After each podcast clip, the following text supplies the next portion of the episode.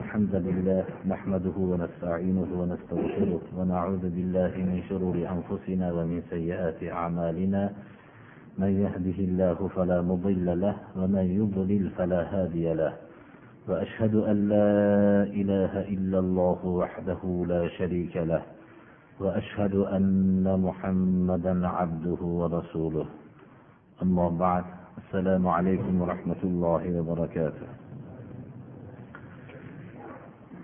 أعوذ بالله من الشيطان الرجيم.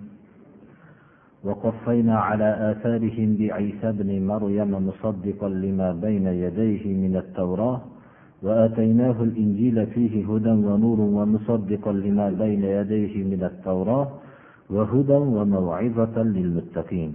وليحكم أهل الإنجيل بما أنزل الله فيه ومن لم يحكم بما أنزل الله فأولئك هم الفاسقون.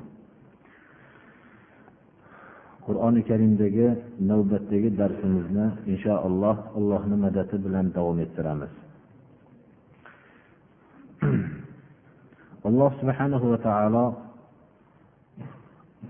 avvalgi darsimizda qur'oni karimda tavrotning hukmlarini bayon qilganligi bu tavrotdagi ba'zi insonlar o'rtasidagi qisosga taalluqli bo'lgan hukmlarni bayon qilib berdi. Biz shuni o'tgan darsimizda o'rgangan bo'ldik. Alloh subhanahu va taolo tavrotni injilni o'tgan bir muqaddas kitoblarning hammasini hayotda hukmini ijro qilishlik uchun tushirgan. Janobi rasululloh sollallohu alayhi vasallamdan ilgariga iso alayhissalomga alloh taolo injilni nozil qildi. Mana bu bugungi darsda o'tgan payg'ambarlarga iso ibn maryamni tobe qilganligini va bu kishiga bu kishi iso alayhissalom o'zlaridan ilgarigi muso alayhissalomga tushgan tavrotni tasdiqlovchi bo'lib payg'ambar bo'lib kelganligini bayon qiladi. Va alloh subhanahu va taolo iso alayhissalomga injilni berganligi bu injilda hidoyat va nurni bo'lganligi va o'tgan injildan ilgarigi tavrotni tasdiqlovchi bo'lib tushganligini bayon qiladi. Bu injilni hidoyat va maviza bo'lishligi uchun alloh subhanahu va taolo iso alayhissalomga tushirdi. Kimga hidoyat maviza bo'ladi? Faqat muttaqin ollohdan qo'rqqanlarga. Alloh subhanahu va taolo injilni nozil qilib injil ahllari olloh shu injilda tushirgan narsalar bilan hukm qilsin.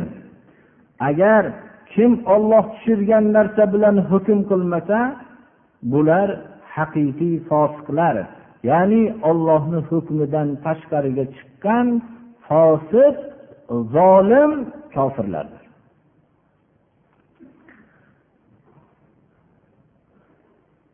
Alloh subhanahu va taolo qur'oni karimda injilni yod qildi. Injilni o'zi tushirganligini yod qildi. Injilni iso ibn maryamga tushirganligini yod qildi. Bunda injilni ahli injil injildagi hukmlarni ijro qilishligi kerakligini va zarurligi shu darajadaki agar hukm qilmasa fosiq bo'lishligini bayon qildi. Lekin ahli injil alloh subhanahu va taolo tarafidan kelgan injilni muhammad alayhissalom payg'ambar bo'lgandan keyin ular o'zgartirdi.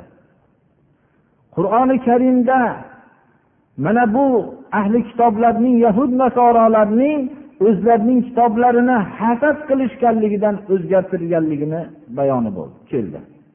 Shuning uchun qur'on o'tgan muqaddas kitoblarni hammasini tasdiqlovchi bo'lib keldi. Qur'oni karim nozil bo'lgandan keyin qur'on shariati hayotda barpo bo'ldi. Rasululloh sollallohu alayhi vasallam oxirgi payg'ambar bo'ldilar. O'tgan kitoblarni qur'oni karim mansux qildi. Undagi ba'zi hukmlarni hammasini komil qildi. Biz shunday tushunishimiz kerakki bashariyatning umumiy olib ko'rganimizda bir tufulat go'daklik yoshi deydi. Rasululloh sollallohu alayhi vasallam payg'ambar bo'lguncha bular go'daklik bolalik bosqichini bashariyat bosib o'tdi. Kamolga yetgandan keyin komil din bilan alloh taolo muhammad alayhissalomni jo'natdi. U zotga qur'oni karimni nozil qildi. Qur'on shariati bilan o'tgan kitoblar hammasi mansux bo'ldi. Alloh subhana va taolo tarafidan kelgan kitob hayotda hukmini ijro qilinishligi uchun tushirildi. Shu bilan birga hidoyat maviza bo'lishligi uchun tushirildi. Lekin bu hidoyat bo'lishligi har kimga bo'lmaydi. Qur'oni karimni birinchi bir oyatini o'qilinsa alif lam mim zalikal kitabu la rayba fih hudan lil muttaqin. Bu kitobni olloh tarafidan ekanligida shak shubha yo'q. Ollohdan qo'rqqan kishilarga hidoyatdir. Qur'oni karimni kechalari bilan o'qib qur'on bilan adashib ketayotgan kishilar son sanoqsizdir qur'oni karimni o'rganib katta ziyoli tabaqalar bo'lib turib o'zi kofir bo'lib yashayotgan ko'pdir. Shuning uchun qur'on hamma kishi uchun hidoyat bo'lmaydi.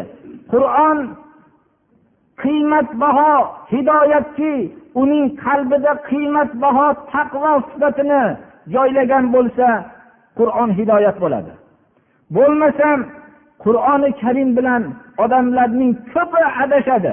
Chunki qur'onni o'qishligidan asli maqsad dunyodagi bir katta obro'ni olib shu qur'onni hukmlaridan o'zini bilganicha noqis aqli bilan bir nuqson topishlikka harakat qiladigan ziyoli tabaqalar dunyoda son sanoqsizdir. Shuning uchun ahli islom mo'minlar qur'oni karimning o'qib turib qur'ondan zid bo'lgan yo'llarda qolib qolishlikdan ollohdan saqlanishlik kerak. Ba'zi bir qur'on o'qiguvchilar borki qur'oni karim unga la'nat aytib turadi. Buning ma'nosi nima? Agar qur'oni karimning misol qilib olganimizda surai moidadagi mana hammamiz o'tgan darslarimizda o'rgandikki mast qiluvchi ichimlikning harom ekanligi qimorning harom ekanligini oyatlarini qimor majlislarini ribozi uchun mast qiluvchi ichimliklar bilan munosabatlarini o'tkazib berayotgan kishilarning shunday holatlarida qur'onni o'qib bergan odamga qur'on la'nat aytib turadi. Chunki qur'on unday narsalarni haromligini bayon qilgan. Bu misoli shunga o'xshaydiki agar misol joiz bo'lsa alloh subhana va taolo bizga qur'onni nozil qiluvdi. Qur'onda ko'p narsalarni qilishlikka buyuruvdi. Ko'p narsalardan qaytarishlik qaytishlikka buyuruvdi. Bu narsalarni o'qib qaytmagan va boshqalarni qaytarmaganning misoli shunga o'xshaydiki sizni mehribon bir dadangiz o'zi bir safarda bo'lganligi bilan sizga bir maktub yo'llagan bo'lsaki ey aziz farzandim men borguncha ma'lum bir kishilar bilan boraman. Shu uchrashgan soatimizga mana bu ishlarni qilib qo'ygin. Mana bu ishlarni qilishlikdan ehtiyot bo'lgin. Shu uyda shu men borgan vaqtimda shunday ishlarni mutlaqo ko'rmay mana bunday yaxshi ishlarni ko'ray. Borgan soatimda shu ishlar uchrashuv soatimizda men shu maktubda aytilgan narsalar mukammal holatda bo'lishligini sendan talab qilaman aziz farzandim deb maktub yo'llagan bo'lsa bu maktubni olib har kuni nechi marta buni mashq qilib o'qib harflarini joyidan chiqarsangiz bu albatta yaxshi narsa.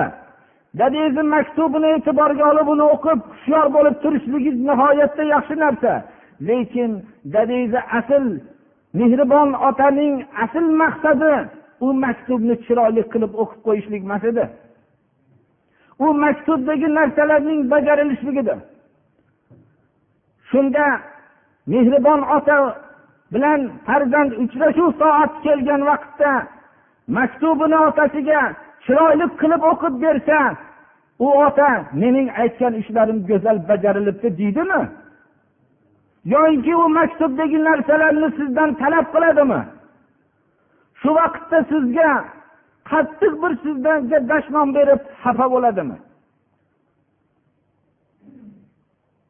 Qur'oni karimni alloh subhana va taolo bizga ham ko'p narsalarni qilishlikka ko'p narsalardan qaytishlikka buni hukm qilib o'rtada ijro qilishlikka alloh subhana va taolo nozil qilgan edi. Alloh robbil alamin bilan ro'baro bo'lishlik barhaq butun olamning tarbiyasi kunandasining ro'barosida odamlarning turadigan kuni barhaqdir. Bunda shak shubha yo'q. Shu kunda men qur'on jo'natganman desa ko'p narsalardan bizni qaytargan ko'p narsalarga buyurgan bu narsalarni biz hech bo'lmaganda qilolmasak bu qur'onning masxara qiladigan odamlarning oldida xorlab o'qib bermasligimiz kerak. Balki ularga qur'oni karim jiddiy bu narsadan olloh qaytargan bu narsalarga buyurgan deb aytmoqligimiz kerak.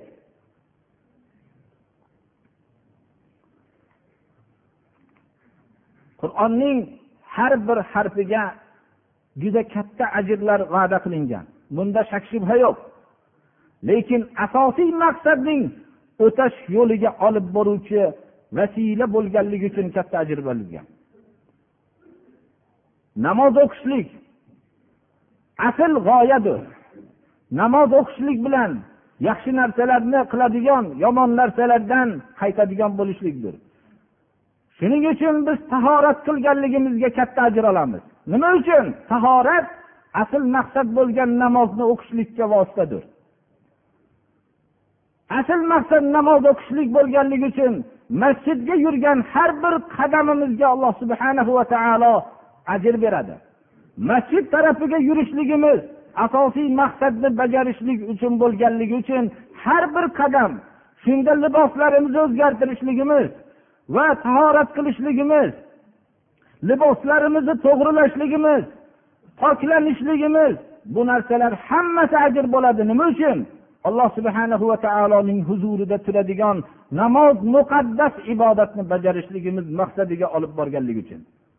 Ammo xuddi biz shu harakat namoz uchun qilgan harakatni boshqa bir kishi yuvingisi kelib bir yuvinsa shu masjidda bir kishini ko'ray men uni bilan gaplashib qo'yay deb xuddi shundan bizdan balki tezroq qadamlar bilan g'ayrat bilan kelsa uning har bir qadamiga gunoh yoziladi.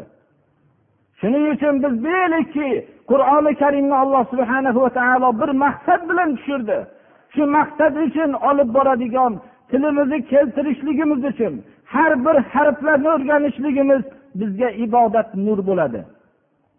Modomiki qur'onni o'rganib olib qur'onning hukmlariga zid ishlar qilib qur'onni pulga sotib qur'onni xorlab yurishlik maqsadida o'rgansak har bir harakatimizga gunoh bo'lgandek.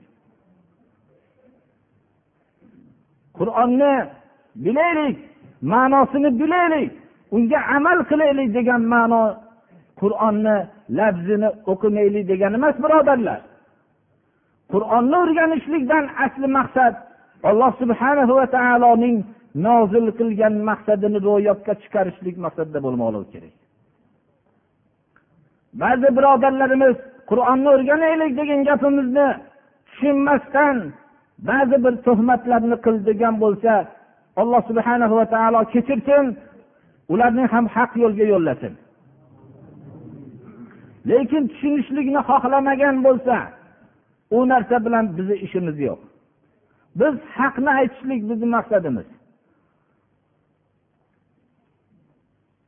Alloh subhana va taolo mana bu oyatda biz o'tgan payg'ambarlarning iziga iso ibn maryamni tobe qildik. Doim iso alayhissalomni zikri kelganda aksar o'rinlarda iso ibn maryam maryamning o'g'li iso degan kalima keladi. Boshqa payg'ambarlarning nomi yakka holatda zikr qilinsa ham iso alayhissalomning zikri kelganda maryamning o'g'li.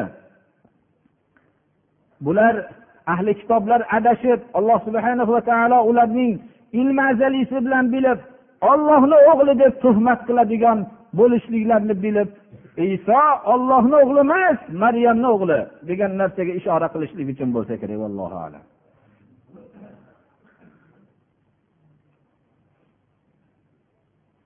O'tgan payg'ambarlar o'zlaridan ilgargi payg'ambarlarning hukmini tasdiqlab kelgan. Keyingi nozil qilingan muqaddas kitoblar o'tgan muqaddas kitoblarning tasdiqlab kelgan.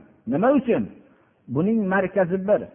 Alloh subhana va taolo o'zigina bu payg'ambarlarni bashariyat tarixida o'tgan hamma payg'ambarlarni o'zi jo'natgan va bu tushirilgan kitoblarni o'zi tushirgan.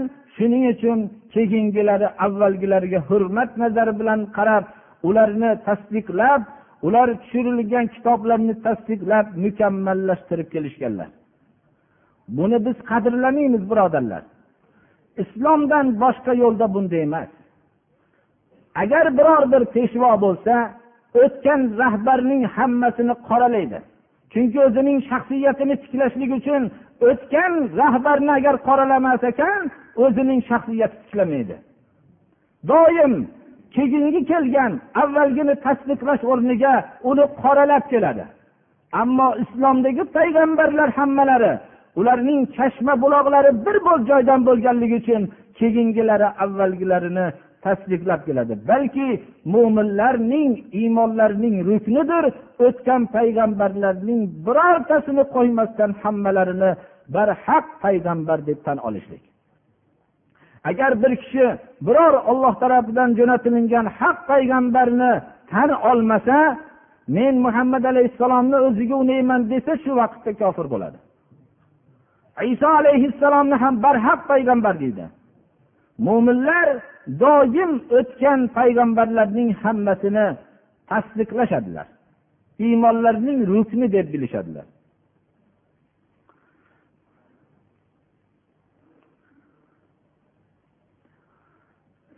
وأنزلنا إليك الكتاب بالحق مصدقا لما بين يديه من الكتاب ومهيمنا عليه فاحكم بينهم بما أنزل الله ولا تتبع أهواءهم عما جاءك من الحق.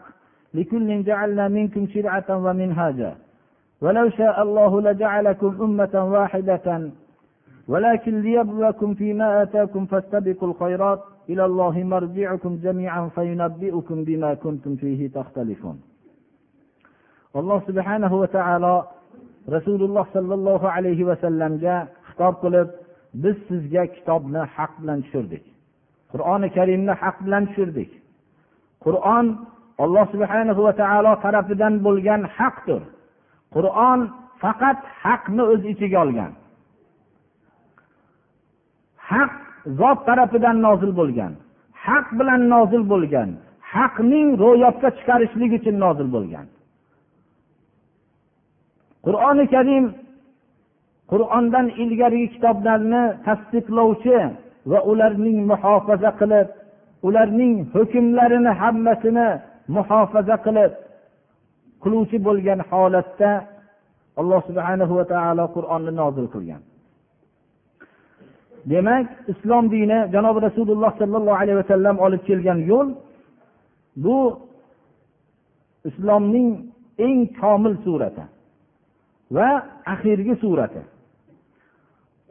Alloh subhana va taolo o'zining ilmi azaliysi bilan bildiki bu haqning barpo bo'lishligi haqni hukmini ijro qilish yo'lida ko'p xohishlar to'sqinlik qilishligini bildi. Shuning uchun odamlarning o'rtasida olloh tushirgan haq bilan hukm qiling. Odamlarning xohishlariga ergashmang.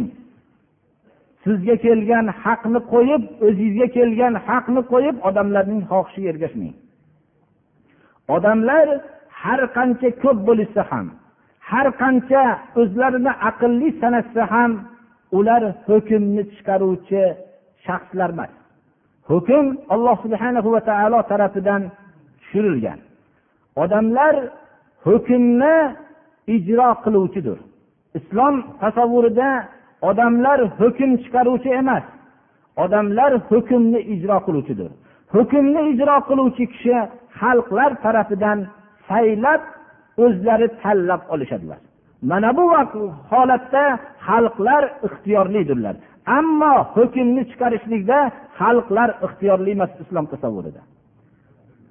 Xalqlar o'zlarining ijro qiluvchi sofdil havosiga ergashmaydigan kishini tanlab olishlikda ixtiyorlidirlar. Xohlasa bir kishini o'ziga peshvo qilib tanlaydi xohlamasa tanlamaydi. Chunki alloh subhana va taolo bandani yaratdi. Bandadan biror bir hojati yo'q. Bandani o'zi bandani muhtoj qilib yaratdida u olloh subhanahu va taoloning rizqlariga muhtojdir. Olamdagi qonuniyatni banda hech qanday o'zgartirolmaydi har qanday kuchi bo'lishidan qat'iy nazar. Shunga o'xshagan alloh subhana va taolo hayotda ham o'zgarmas bir qonunni jo'natdi. Mana bu qur'on qonunidir. Din komil bo'ldi. Dinga bir odamning biror narsani yaxshi niyat bilan qo'shib tashlashligi uning olib tashlashlikdan farqi yo'qdir. Komil bo'lgan narsaga qo'shishlik mumkin bo'lsa u komil bo'lmasdi. Shuning uchun dinga yangilik kiritgan odamning olib kirgan yangiligi bid'at zalolatdir bu.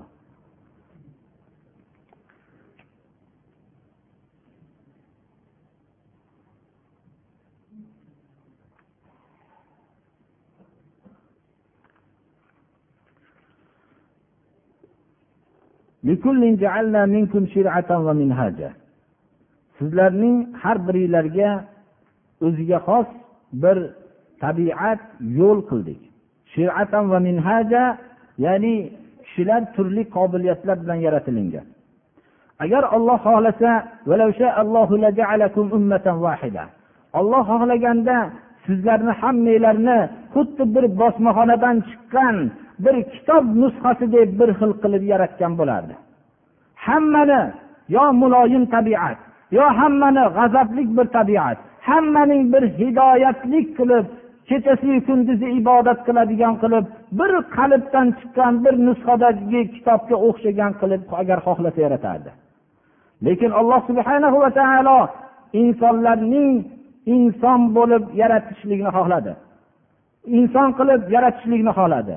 O'zining ixtiyor sifatidan berishlikni xohladi. Insonlarning mukarram qildi. Insonlarning maloikalarga o'xshagan ixtiyorsiz ulug' maxluqlar qilmadi. Insonlarni hayvonlarga o'xshagan ixtiyorsiz maxluq qilmadi. Balki ixtiyorni faqat o'zining xalifasi bo'lmish insonga berdi. Uning hidoyat o'zining mehnatini samarasi bo'lib o'zining alloh subhana va taolo tarafidagi hidoyatga tashnalik bilan ixtiyori bilan tashna bo'lgandan keyin olloh tarafidan hidoyat keladigan maxluq bo'lishlikni xohladi. Olloh sizlarni o'zi bergan qobiliyatlarda imtihon qilishlik uchun xohladi. O'zi bergan narsalarni hammasini va imtihon qilishlikni xohladi.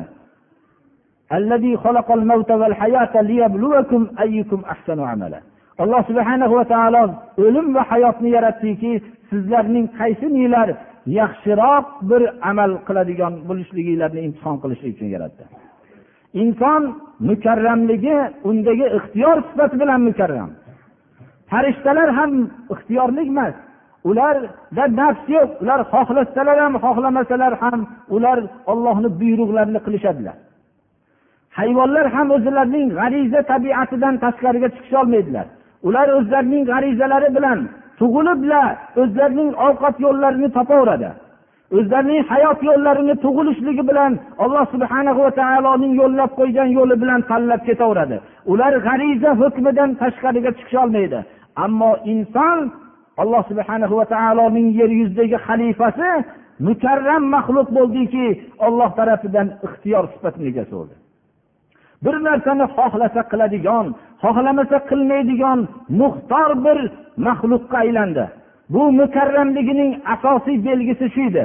Endi shunday mukarram bo'lgan ixtiyor sifati bilan sharmanda bo'lishligi juda ham unga sharmandalikdir unga moli davlat berdi. Uning yaxshilik qilishlikka qodir qildi.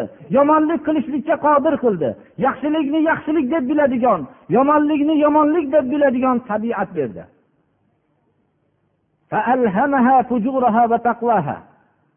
Endi bu ixtiyori bilan sharmanda bo'lishlikdan ko'ra katta sharmandalik yo'qdir alloh subhana va taolo uni mukarram qilgan sifat bilan yaratuvchisini tanimaslikdan ko'ra katta sharmandalik yo'qdir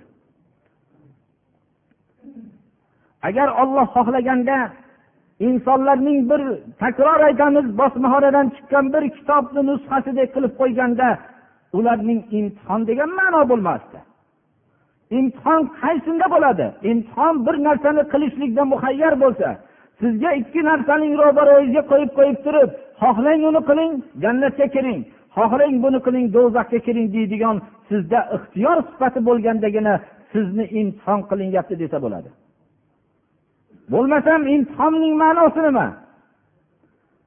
Alloh subhana va taolo insonlarning hammasiga har xil qobiliyatlar berdi. O'zining hikmati bilan ana shu qobiliyatlarning hammasi bilan jannatga kirishlikka ham imkoniyat bo'ldi. Shu qobiliyatlar bilan billah do'zaxga ketadigan yo'l ham bo'ldi. Odamlar baribir qiynalib yashashadi. Insonni biz mashaqqatda yaratdik. Inson onaning qornida mashaqqat bilan turadi. Tug'ilishlikda ham mashaqqat bilan tug'iladi. Tashqariga tug'ilishlik bilan birinchi nafas olishlik mashaqqatini jihozlari boshidan kechiradi. Undan keyin ovqatlanish mashaqqatini boshdan kechiradi. Uning jihozlari birinchi marta olgan sutni hazm qilishlikka tayyorgarlik bo'lmaganligidan mashaqqat kecha boshlaydi. Undan keyin chiqindining birinchi marta chiqib ketishlik mashaqqatini tortadi.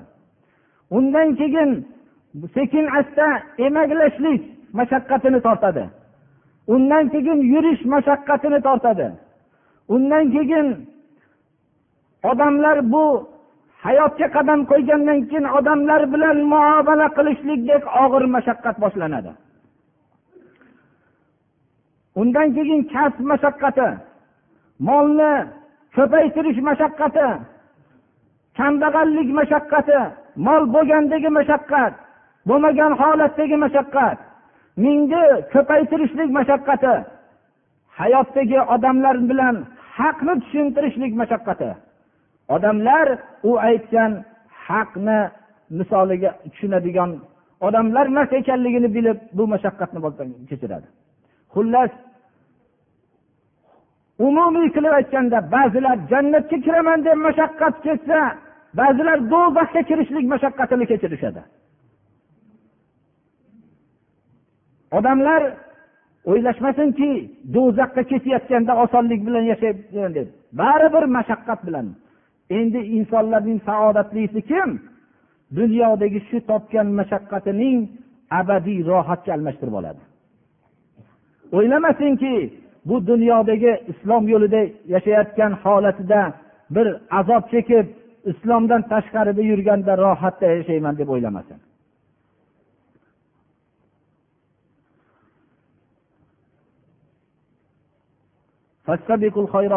O'zinglardagi qobiliyat bilan yaxshiliklarga shoshilinglar deydi alloh taolo. Qobiliyatlarni yaxshilik yo'llariga ishlatishlik bilan yaxshilikka shoshilinglar. Faqat hammanglarning boradigan o'rninglar alloh subhana va taoloning huzurigadir. Sizlarni kelishmagan narsanglarda olloh qiyomat kuni sizlarni xabardor qiladi. Qaysi narsalar kelishmay haqmi botilmi deb kelishmay qolgan narsanglarni haq botil ekanligi bilan sizlarni xabardor qiladi qiyomatda.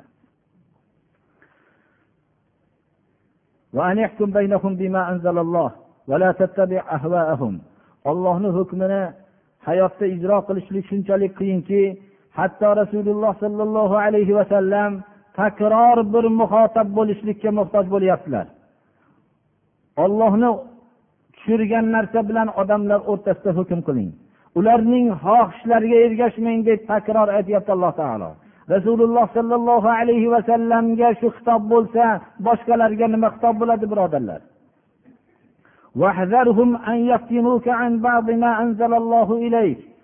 Olloh sizga tushirgan narsalarning hammasigina emas balki ba'zilaridan ham sizni aldab qo'yishligidan qo'yishliklaridan ehtiyot bo'ling deyapti. Mana bu oyatdan biz bilishimiz kerakki olloh rasuli aytgan so'z haqdir. Odamlar olloh rasuli aytgan so'zni birortasidan odamlarni qaytarishlik uchun odamlar hozir bu gapni ko'tarmaydi bu haqni qabul qilolmaydi buni aytmay turing deydigan nasihatchilardan ehtiyot bo'ling deyapti alloh taolo. hushyor bo'ling sizni olloh tushirgan narsalarning ba'zilaridan maftun qilib aldab qo'yishligidan rasululloh sollallohu alayhi vasallamga shu nasihat bo'lsa birodarlar o'zini olim sanagan o'zining kitobi sunnatga muvofiq qilib yashayman degan odam nihoyatda hushyor bo'lmoqligi kerak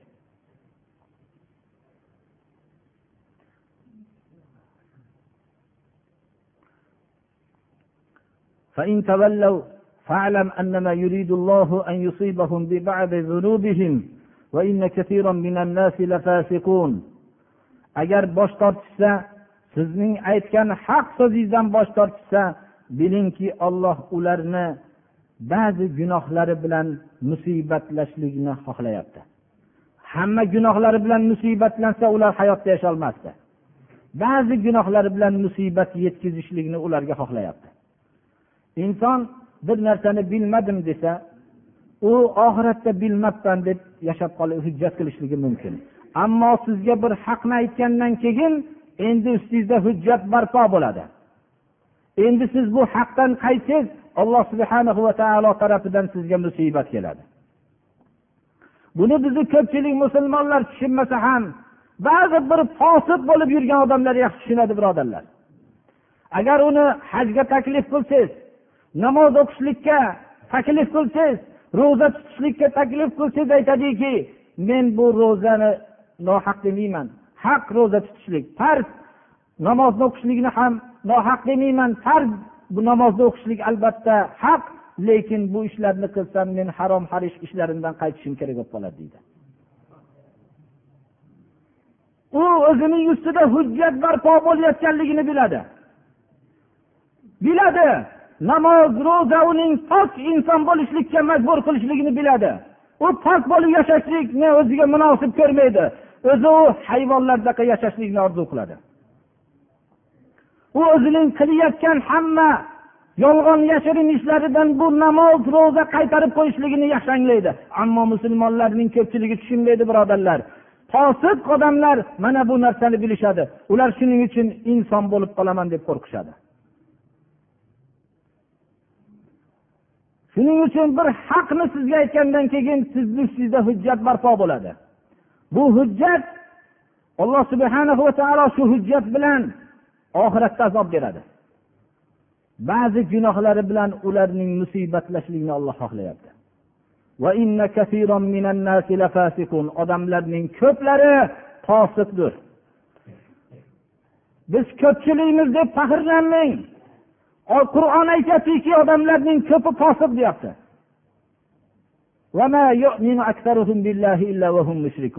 Odamlarning ko'pi ollohga iymon keltirmaydi. Magar iymon keltirdim deydiyu mushrik bo'lgan holatda iymon keltirdim deydi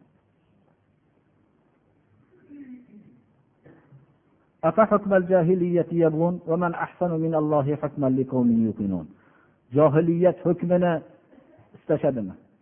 Alloh subhanahu va taolo tushirgan qur'ondan bosh tortishib johiliyat hukmini istashadimi? Qur'on yo'lidan boshqa yo'l johiliyat. Johiliyat bir davrga cheklangan emas. Johiliyat olloh rasuli tarafidan kelgan yo'lni qabul qilmaslik johiliyatdir. Shu johiliyat hukmini qabul qilishadimi? Shunday narsani istashadimi? Ollohdan bilgan odamlarga hukmda hukmi go'zal bo'lgan zot kim? Ollohni hukmidan ham chiroyli hukm bormi? Mana bu oyat sarih bo'lyaptiki ollohning hukmidan go'zal hukm yo'q ollohni hukmini qo'yib boshqa hukmni ixtiyor qilgan odam johiliyat hukmini istabdi.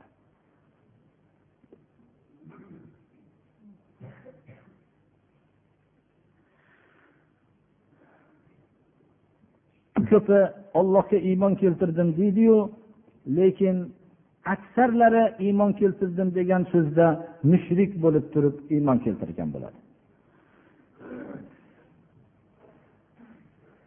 alloh subhanahu va taolo mana qur'oni karimda قل أفرأيتم ما تدعون من دون الله إن أرادني الله بضر هل هن كاشفات ضره أو أرادني برحمة هل هن ممسكات رحمته قل حسبي الله عليه يتوكل المتوكلون ayting ey muhammad alayhissalom odamlarga ollohdan boshqaga duo qilib chaqiryapsizlar? Shu chaqirayotgan ollohdan boshqa narsalar agar olloh menga biror bir zararni iroda qilsa ular shu zararni ochib tashlaydiganmi yoinki olloh menga bir rahmatni iroda qilayotgan bo'lsa ular shuni ushlab qoladiganmi? Deng bularga. alloh subhanahu va taolo bir bandaga zararni ixtiyor qilgan bo'lsa uni hech kim qaytarolmaydi hech narsa qaytarolmaydi agar olloh bir rahmatni iroda qilayotgan bo'lsa u rahmatni birov olib qololmaydi imron ibn husayn roziyallohu anhudan rivoyat qilinadiki أن النبي صلى الله عليه وسلم رأى رجلا في يده حلقة من صفر فقال ما هذه؟ قال من الواهنة. قال انزعها فإنها لا تزيدك إلا وهنا. فإنك لو مت وهي عليك ما أفلحت أبدا. imom ahmad rivoyatlari imom ahmadni yana uqbat amir roziyallohu anhudan rivoyat qilingan hadisi bor marfuan من تعلق تميمة فلا أتم الله له ومن تعلق ودعة فلا ودع الله له.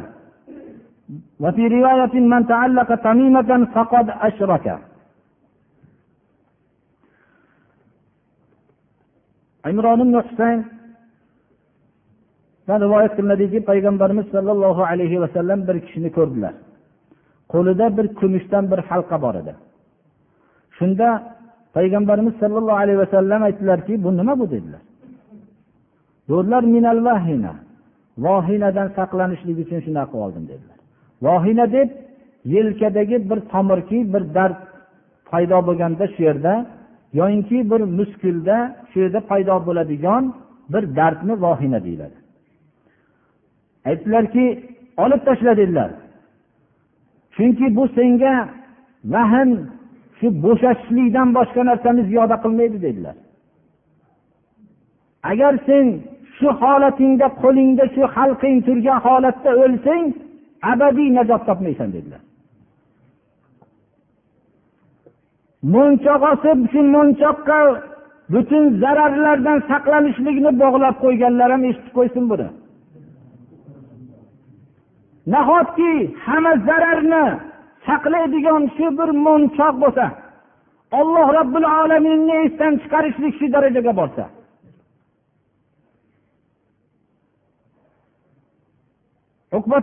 Roziyallohu anhudan marfuan rivoyat qilinadiki kim tamima tumor osgan bo'lsa olloh uni ishini bitkazmasin dedilar.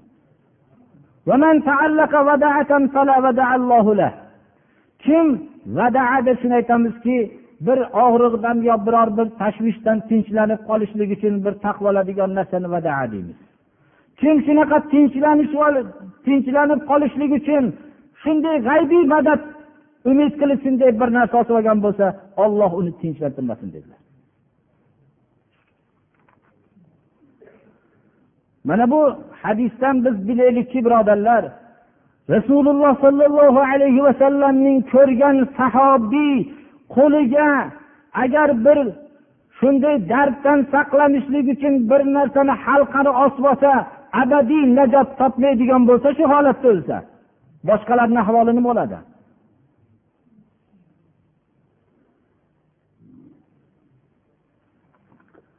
Shuning uchun biz g'aybiy quvvatlarni hammasini alloh subhana va taolodan so'ramoqligimiz kerak. Sengagina ibodat qilamiz sendangina yordam so'raymiz. Bundan ham qizig'i shuki bizning shunday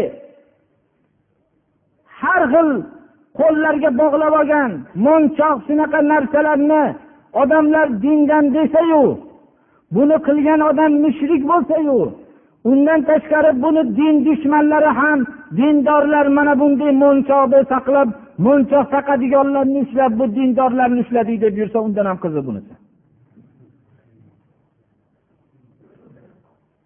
Bu nihoyatda dinni bilan kurashayotgan odamlarning ham qanchalik aqlda baland martaba bo'lib ketganligini belgisi.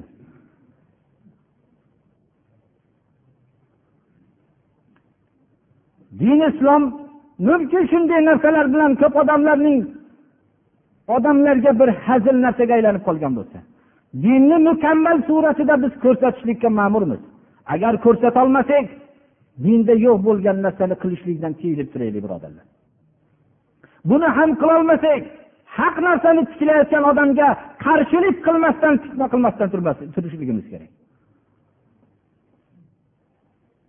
Rasululloh sollallohu alayhi vasallamning shu odoblaridan shuni ham bilishimiz kerakki bir odamda bir shirkni ko'rsak qattiq gapirishligimiz kerakligini darvozalarga har xil narsalarni bir taqani qoqib qo'yib turib tamomiy kelayotgan zararni shu bir temir taqaga otib tagida tezaklarga tegib yurgan taqaga bog'lab qo'ysa. Birodarlar bu islomni masxara qilish bu. Ko'p kishilar islomda shu narsalar deb turib aqllariga to'g'ri kelmaganlikdan ketib qolayotgan bo'lishi mumkin. Biz islomning zarariga hujjatga aylanib qolganmiz. Shuning uchun ham odamlarning ko'pi ollohga iymon keltirdim deydiyu mushrik bo'lgan holatda iymon keltiradi. Alloh subhana va taolo shirkni hech qachon kechirmaydi. Alloh subhana va taolo boshqa gunohlarni xohlasa kechiradi ammo shirkni kechirmaydi. Shirk keltirgan odam shu vaqtda amali habata bo'ladi. Imom azam rahmatulloh alayhi nazdida shirk keltirgan bo'lsa shu vaqtda qaytgan bo'lsa hech narsa emas hamma mazhablarda ham. Ammo shu shirkdan qaytargan vaqtda qaytmasa butun o'tgan amallari habata bo'ladi qazo lozim bo'ladi. Ammo imom shofiy rahmatulloh alayhi mazhablarida o'tgan savobi botil bo'ladiyu qazo lozim bo'lmaydi. Mana bu narsa biz shirkdan saqlanishlik haqida nihoyatda ehtiyot bo'lishligimiz kerak. Alloh subhanahu va taolo hammamizni ham haq yo'lga hidoyat qilsin. O'tgan gunohlarimizni alloh mag'firat qilsin. Alloh subhanahu va taolo haqiqiy islomga o'zimizni xalqimizni alloh taolo yo'llasin. Islomga alloh zafar bersin. Islomga yordam berayotganlarga alloh yordam bersin. Islomga zarar yetkazayotganlarga alloh taolo islomni vayron qilaman deganlarni o'zini vayron qilsin xonadonini vayron qilsin avlodlarini vayron qilsin. Alloh subhana va taolo mana yangi namoz boshlaganlarga alloh tavfiq berib sabot bersin. Alloh subhanahu va taolo bir ikkitalarni qilmaydi bir jomiyda bir xizmat qilgan kishilarni alloh taolo gunohlarini kechirsin mana juda ozgina xizmat qildilar shu bilan birga bir narsani bizga omonat bir aytilgan edi. Bizni bir uzoqdan keladigan bir otaxonimiz bor edi. Bu yerda masalan juda bu yerga ixloslik o'zlari juda bir shu yerda doim juma shu yerda o'qib turadigan o'zlarini juda bir aqidalari bizni gumonimizcha kalima bo'lgan bir otaxonimiz bor edilar. U kishi shu o'tgan juma kechasida vafot qilganlar. Biz janozasiga borish uchun harakat qildiku lekin bir mone bo'lib qolib borolmay qoldik. Shu kishi bir meni bir jumada duo qilishib qo'ysin deb shunaqa degan ekanlar duo qilaylik bir alloh subhana va taolo gunohlarni mag'firat qilsin ibodatlarni alloh qabul qilsin qabrlarni alloh taolo jannat bog'chalaridan bir bog'chaga aylantirsin farzandlarni hammasini o'zlari o'ylagandan ham solih bo'lishligini alloh taolo nasib qilsin الحمد لله ثم تقبل منا هذه الصلاة واعف عنا مع جميع نقصاناتها بفضلك وكرمك يا اكرم الاكرمين اللهم استرنا بسترك الجميل في الدنيا والآخرة. اللهم احفظنا يا فياض من جميع البلايا والأمراض. اللهم إنا نسألك العفو والعافية في الدين والدنيا والآخرة. ربنا لا تجعلنا فتنة للقوم الظالمين ونجنا برحمتك من القوم الكافرين اللهم ارحمنا بالقرآن العظيم واجعله لنا ولا علينا حجة يا رب الله